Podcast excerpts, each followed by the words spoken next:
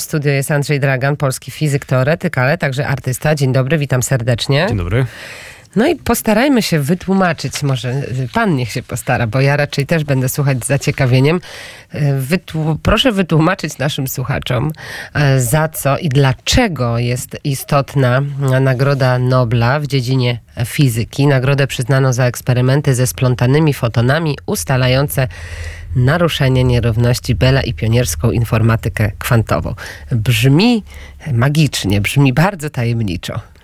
Y, Laureaci Nagrody Nobla to są doświadczalnicy, którzy, którym udało się pokazać to, o co się kłócili najwięksi fizycy teoretyczni XX wieku, czyli Einstein, Bohr, Schrödinger i jeszcze cała reszta twórcy mechaniki kwantowej, którzy nie potrafili dojść do porozumienia co do jej interpretacji i, i kłócili się tak przez jakieś 30 lat, aż wreszcie przyszedł niejaki John Bell, y, fizyk, który nie doczekał do Nagrody Nobla i zmarł y, A powinien? a powinien zdecydowanie. Tym zresztą był wymieniany tutaj, przez wszystkie przypadki był odmieniany y, podczas wręczenia, podczas ceremonii. Y, Nie doczekał się Nagrody Nobla. On pokazał, w jaki sposób rozstrzygnąć ten spór y, i pokazał to teoretycznie. Natomiast, żeby wykonać eksperyment, który on zaproponował, trzeba było poczekać jeszcze kolejne 30 lat, y, bo eksperyment był po prostu dosyć, trudny. Einstein też tego nie doczekał, y, Bohr tego nie doczekał, y, w zasadzie nikt z tych, co się kłócili, tego nie doczekał. Y, I eksperymenty wreszcie udało się wykonać pierwsze w latach 80. Y, Później były udoskonalane, aż wreszcie ostatecznie y, temat w zasadzie zamknięto eksperymentem w 2015 roku.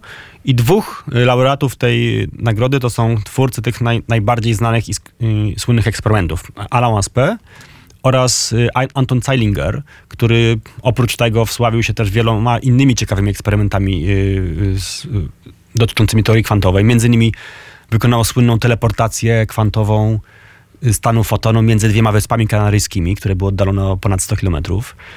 Wykonywał słynny eksperyment z interferencją, czyli z takim stanem, w którym obiekt znajduje się w dwóch miejscach naraz.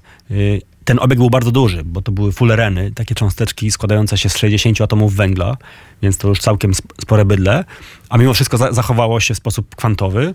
Więc e, y, Zeilinger się wsławił też mm, ro- robieniem eksperymentów sprawdzających y, granice stosowalności teorii kwantowej, która jest szalenie dziwna, jest zaskakująca, tam rzeczy się dzieją w zupełnie nieintuicyjny sposób.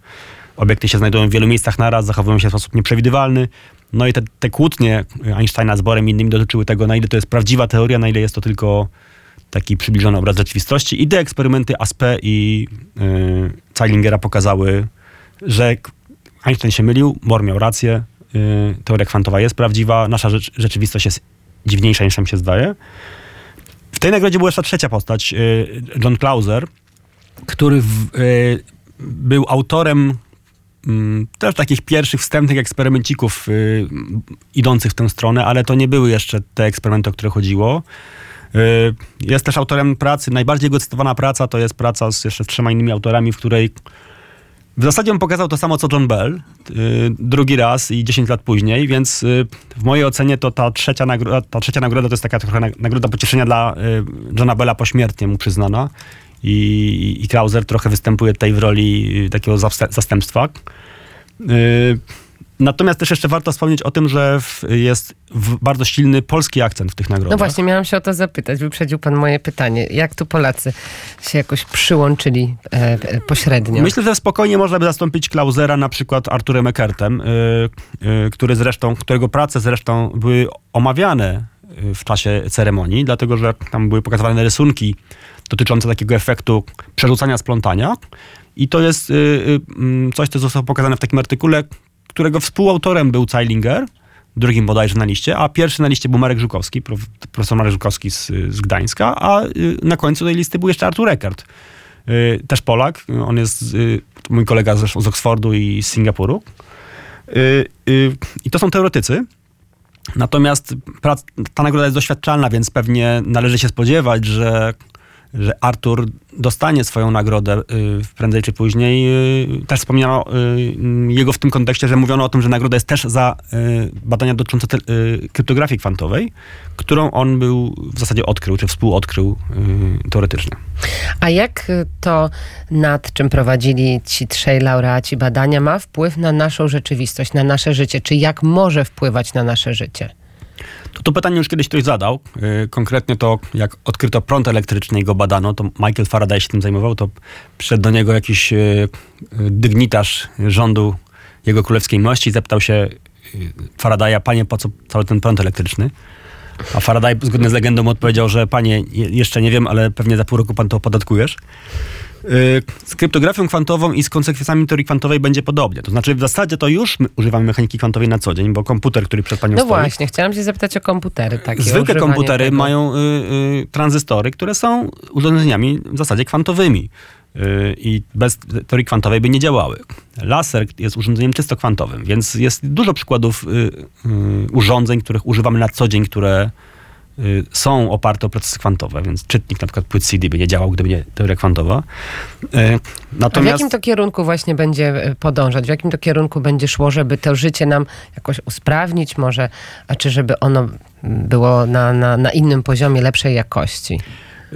Jedna z rzeczy, której się należy spodziewać w niedalekiej przyszłości, to jest tak zwany komputer kwantowy i to będzie urządzenie, które nie tylko ma w swoich w swoim obiegu jakieś urządzenia, jakieś mikro, mikrostruktury, które są kwantowe, ale też będzie jego struktura logiczna całego komputera i sposób działania będzie oparty o prawa teorii kwantowej. Czym komputer kwantowy będzie się odróżnił zwykłego PC-a, który posiadamy? Tym, że zwykły PC operuje na bitach logicznych, na zerach i jedynkach, które gdzieś tam przepływają, a komputer kwantowy będzie operował na tak zwanych kubitach, czyli nie zerach i jedynkach, tylko stanach, które mogą być albo 0, albo 1, albo coś pomiędzy. I, I, to są takie stany, w których wartość logiczna może być trochę 0, trochę 1, a trochę i to, i to naraz. I to jest ta, ta słynna superpozycja kwantowa, gdzie dwie rzeczy dzieją się naraz. Tak jak ta cząstka, o której mówiłem, jest w dwóch miejscach naraz, tak bit logiczny ma dwa logiczne stany naraz. I to pozwala takim komputerom robić wiele operacji w pewnym sensie równolegle i diametralnie przyspieszyć szybkość działania. Do tego stopnia, że w zasadzie cały internet przestanie być bezpieczny, jak ktoś miał taki komputer, bo dałoby się nim złamać wszystkie obecne zabezpieczenia szyfrujące internet. Kto taki komputery dzisiaj posiada?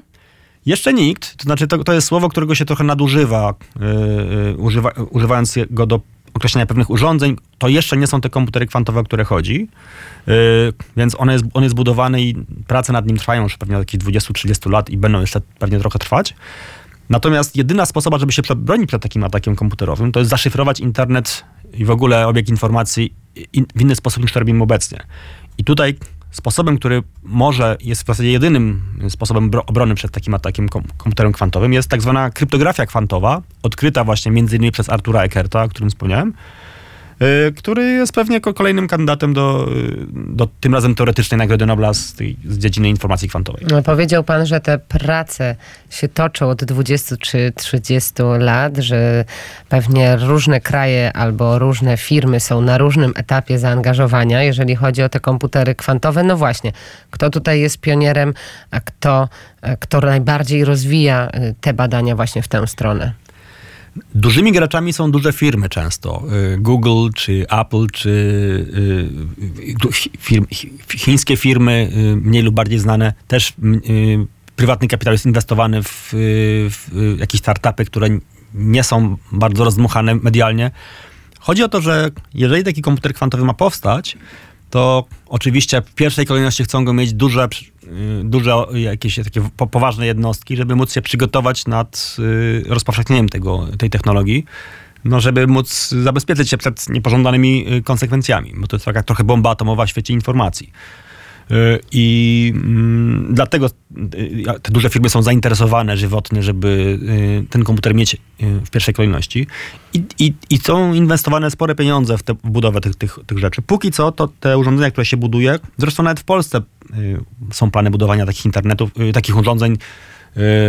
Ostatnio było ogłaszane to dosyć szumnie, że, że jedna z polskich firm będzie też brać udział w budowie czegoś, co nazywane jest komputerem kwantowym. Według mnie znowu to, są, to jest jedno z tych urządzeń, których się tutaj nie to nadużywa tego terminu, bo yy, póki co ilość błędów, które to urządzenie popełnia w yy, algorytmach jest zbyt duża, żeby to było naprawdę przydatne do czegoś pożytecznego. A, ale jakby przyszłość jest otwarta, to trzeba po prostu cierpliwie jeszcze poczekać. No, no właśnie, a propos przyszłości, czy nasz gość, pan Andrzej Dragan, teraz pracuje nad jakąś książką? Nad czym pan teraz pracuje? No, z- z- tak swoją drogą za, z Arturem Eckertem właśnie pracujemy nad czymś. Myśmy wypuścili y, y, y, drugą pracę z- na temat takiego szalonego pomysłu, w którym staramy się zrozumieć skąd się teoria kwantowa bierze. Ta, ta teoria kwantowa, za- mm, o której była w zasadzie ta Nagroda Nobla tegoroczna, bo to jest tak, że ten spór, o którym mówiłem między Borem, Einsteinem i tak dalej, twórcami mechaniki kwantowej, wziął się z tego, że oni nie wiedzieli skąd ta teoria się w ogóle bierze. O, to jest coś, co spadło z nieba, zostało to zaobserwowane i wszystkich zszokowało, że rzeczywistość się zachowuje tak dziwnie, jak, y, jak, jak to pokazują te eksperymenty. Ale de facto ta teoria trochę spada w, w formie postulatów. No i myśmy z Arturem pokazali niedawno, że, że można, y, ta- taką, postaliśmy taką hipotezę, że, czy tezę, że że da się wyprowadzić naj, najbardziej ciekawe aspekty tej teorii i zrozumieć skąd ona się bierze, posługując się czymś o wiele prostszym, to znaczy szczególną teorią względności, ale rozszerzoną na tak zwanych nadświetnych obserwatorów, czyli obserwatorów poruszających się z prędkością większą niż prędkość światła. Y, To jest dosyć szalona hipoteza, ale póki co y, y, staramy się ją rozwinąć i zobaczyć, gdzie ona sięga i czy rzeczywiście się dają obronić. Więc to jest taki temat. To jest e, taki temat. e, Mam nadzieję, że się e, uda i wtedy będziemy mogli porozmawiać o tej książce, chociaż nie wiem, czy po kilkunastu stronach będę wiedziała, co się tam dzieje. Bardzo dziękuję. Andrzej Dragan, polski fizyk, teoretyk i artysta, także fotograf, ale dzisiaj właśnie przede wszystkim ta dziedzina fizyki. Dziękuję za rozmowę. Dziękuję.